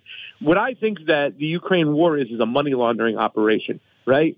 So the fact is to keep this going, you know, they picked up from Afghanistan, they went to Ukraine. As soon as they shut it down in Ukraine, they might go over to Taiwan. But to make these things happen, to keep this scam in play, they need their people, their lawmakers in play. Joe Biden is that guy. He's always been that guy for the military industrial complex. There's a war he didn't like. He's done his job when it comes to COVID. There's even a picture of him out there taking the shot and telling people to do their their their fair share to to go in and join the groups. So I mean, they got to make sure that they have their guys in place. So they're going to push forth their puppets they need to keep their scams going. And Joe Biden is that guy. And if it ain't Joe Biden, he'll be the next guy, and they'll be pushing that guy making sure that there's all positive news and narrative coming out about him or her, and the negative news will be hidden and thrown away. And just the opposite for those who are pushing against this this group. Uh, yeah, I, I agree. Another there's an uh, uh, um, another issue, I think, is that what we see on the fringes of the U.S. empire comes back. And as, as, an example, I've, I've said to people, what you see in Ukraine is what they want to do here. And when I saw, for instance, when I saw what happened with the outlawing of various parties, when I saw uh, Dmitry Medvedev, Dmitry, I mean, not Dmitry, but the guy's name was Victor, I think it was, Medvedev. He was in Ukraine. And what happened? He was leading in the polls against uh, uh, uh, Zelensky, and his party was set to win. And they arrested him and accused, accused him of treason. And I said, man, that's what they want to do here. Now, one could make an argument, I certainly would make that argument, that that is what they're doing here. That they looked at Trump, they looked at Biden, and they're like, ah, Biden doesn't look so good, and we don't have much right now. We'll charge Trump with 50 million charges, and then we'll get him out of the way. And so that's why I think when you see what's happening in the UK, when you see what's happening in uh, uh, with these draconian measures of censorship, that that stuff is eventually coming here, Craig. Oh, absolutely, right? it's coming here if it's not here already. I mean, they might not do it where they arrest somebody whatnot, but they can just go and censor those voices and shut them down. And it, it, it's happening. I mean, you could just see it left and right. So many people who've said so many false things in the past, you know, uh, they, they're just, they're, uh, I'm so sorry. It, people who've said these things in the past, who've said false things, you know, against and push back against the mainstream, they're getting censored more than ever before. And that's what this whole Russell Brand thing is about. There's more censorship coming on in, more shutting it down. But yeah, I mean, uh, what political parties out there other than the two mainstream parties right now get a voice, get heard? You know, they still give you this whole choice A, choice B, and usually those choices are controlled by those entities that want to control the narrative and shut everything down. One of the things that I used to say to my when I taught in college, I used to say to my students all the time, I'd hold up my cell phone and I'd say, you know, you have one of the most powerful devices ever invented in your hand, and you all are less informed with access to the world in your hand than I was when I was in college and I just had three newspapers to read. Trying to get them to understand that they can't rely on the device, that they have to rely on themselves. Craig Jardula, as always, thank you so much for your time. Greatly, greatly appreciate that analysis, and we look forward to having you back. You know what they say if you don't watch the news, you're uninformed. If you watch the news too much, you're misinformed. Put that phone and go outside and see for yourself. Thank you, gentlemen. Hey, man, really appreciate it, Craig. Take care. You are listening to the Critical Hour here on Radio Sputnik. I'm Wilmer Leon, joined here by my co host, Garland Nixon. There's more on the other side. Stay tuned.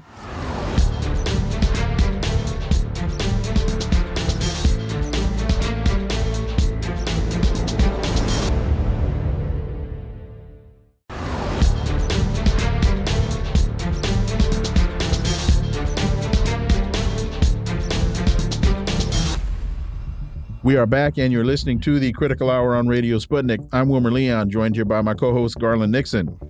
Thank you, Wilmer. Popular Resistance has a piece entitled All Out for Assange Emergency Actions to Support Julian, Julian Assange if he is extradited to the United States. For insight into this, let's turn to our next guest. She's the co editor of Popular Resistance, Dr. Margaret Flowers. As always, Margaret, welcome back. Thank you. I, it's always a pleasure to be with both of you. So, this is one of three efforts that you have in, in uh, going on with, with popular resistance right now. This is the first one that we that we'll discuss. As Assange's options to appeal the decision to extradite him to the U.S. are being exhausted, he could be extradited as early as the beginning of October. And you at Popular Resistance are saying that we must be prepared to support him and fight for his release in the United States. Your thoughts, Dr. Margaret Flowers. Yeah, absolutely. I mean, if folks are not aware, um, the initial judge who heard Julian's case in the United Kingdom said that he should not be extradited to the United States, uh, basically on the concerns about his health, which is one reason why extradition is, does not occur. Another reason that extraditions usually don't occur is if the case is political, and this is a purely political case. Assange has not committed any crime. Uh, but anyway, the United States has been appealing that decision, and he's come down to his last chance. And it looks like uh, the, the court has already set up that hearing as if they've determined the conclusion. It's a half hour hearing, and the defense is only allowed to submit 20 pages of documentation. So the judge basically doesn't want to hear it. It's just going to probably say he can be extradited, and then they could put him on an airplane. That court comes to session on October 2nd. So that hearing could take place anytime after October 2nd, and he could be put on a plane and come here to the United States.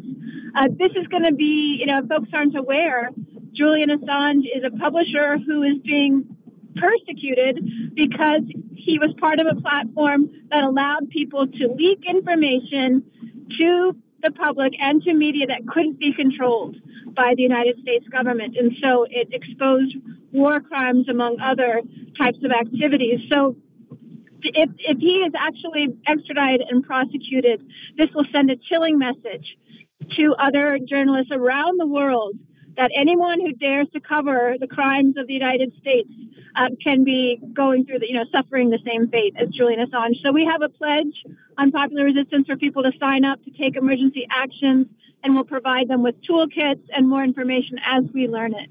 What kind of things do you think? Uh, now, is this emergency actions now, specifically actions if he is extradited, some combination of the both? And what kind of, of, of both? What kind of actions are, are, are we talking about?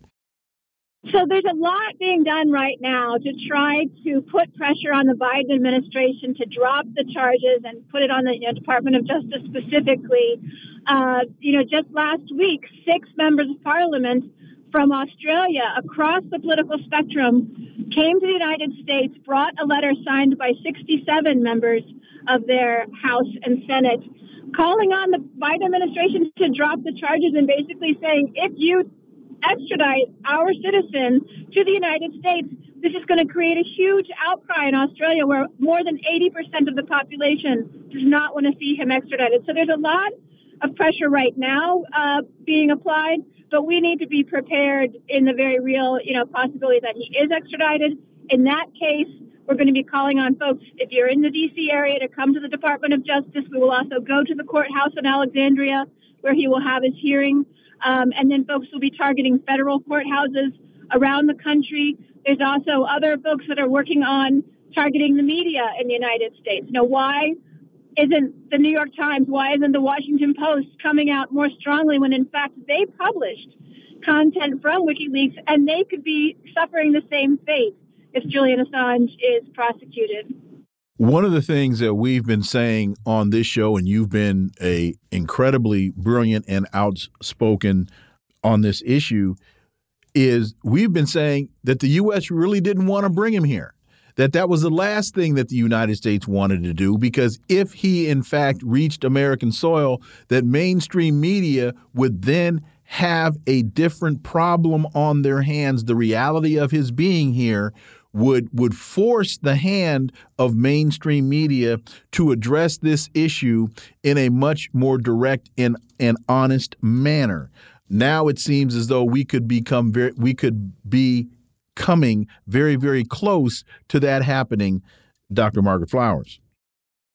Right. I think one of the main concerns about um, activism in the United States and the media in the United States is that you know there really hasn't been a lot of coverage of Julian Assange's case. There's been a lot of misinformation about him. So, you know, when we talk with folks who have been touring in the United States and speaking to groups, uh, people here, a lot of them just don't even know the basics. They don't know why he's being prosecuted, where he is, what he's gone through, what this is all about. And so that works to the to the benefit of the power structure. And we anticipate that if he's extradited here, there could be an incredible uh, media barrage against him, sowing confusion, sowing misinformation, and that's why it's really important that folks get informed now. And uh, we have, you know, lots of information about this on Popular Resistance. If folks want to check out the website there, there's others that have been doing strong work on this. Joe Lauria at Consortium News, Kevin Gosztola has an excellent book out. Uh, that outlines everything. Chris Hedges has a recent series of interviews on uh, his show, the Chris Hedges Report, that's done a great job. I think I'm not sure how the corporate media in the United States is going to respond because uh, they could give in to the power structure and continue to either be silent about this or put out misinformation. That's why we're trying to get prepared right now uh, through a whole nother effort around media to make sure that we have an independent media voice that gets out the truth also on Popular Resistance. And let me let uh, uh, uh, uh remind everyone, popularresistance.org is a great website. I recommend it. I go there daily to look for uh, the latest uh, information.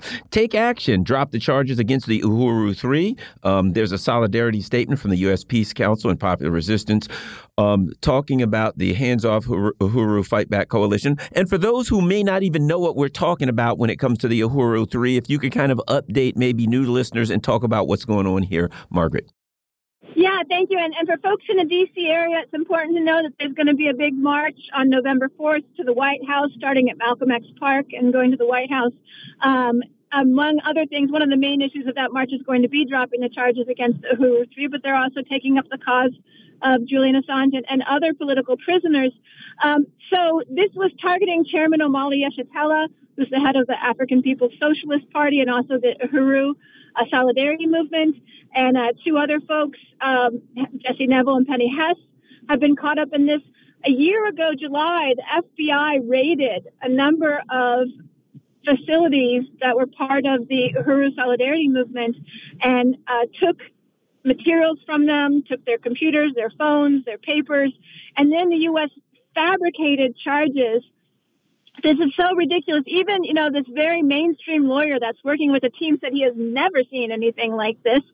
Basically, they're claiming that their anti-imperialism opinions uh, and work and opposition to the conflict in Ukraine is all being done uh, by the control of Russia, that they're acting as foreign agents. And this is an insult. Uh, these are people who have been taking these positions, anti-imperialist, anti-war positions for decades now.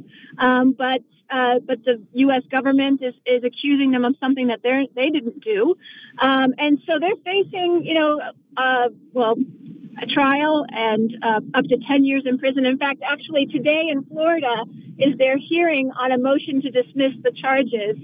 Uh, so we'll see what happens from that. But uh, but the U.S. is targeting them because They are kind of the front line of challenging U.S. imperialism and doing good work in poor and black communities to lift up the people there and, and provide political education. And, uh, and that's something that scares the U.S.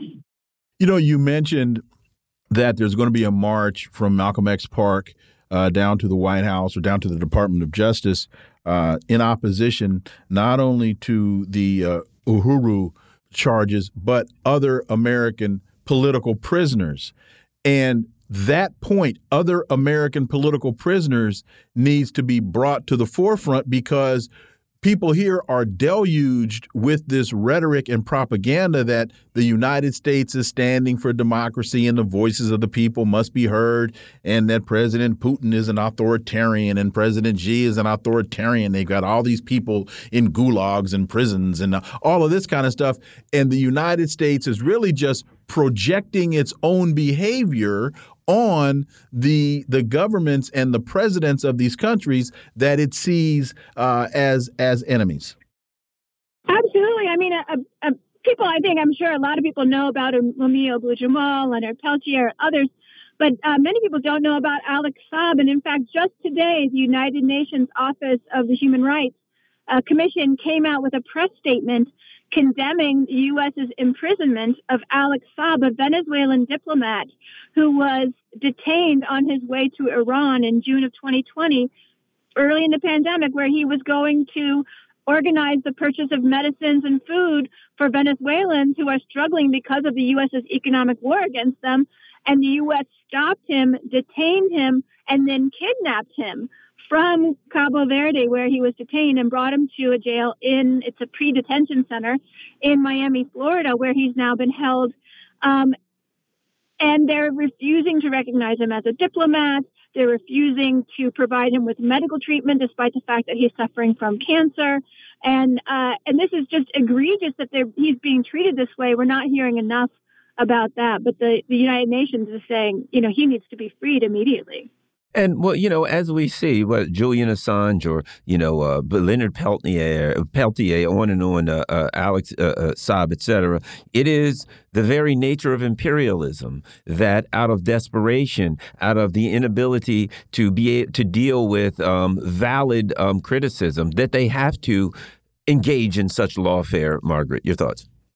Yeah, no, I mean, and this is something that, that people need to be aware of is that, you know, the United States is so often talking about, you know, rules based order. And what most of the global south and, and oppressed communities know is that the United States rules based order basically means the U.S. makes the rules and makes them up as they go and has no respect for actual international law, no respect for the various conventions that have been formed to protect the rights of, of people. And so, um, we, you know, when when when the U.S. and, and President Biden goes around and you know tries to condemn other countries for their human rights activities and and suppression of free speech, leaders of those countries just look at him and, and think, well, what about Alex Saab? What about Julian Assange? What about you know the way that people in your own country are are treated?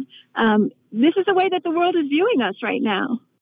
And the final uh, story that you've got is a is a uh, racism and health toolkit. Uh, we've got about a minute left on that.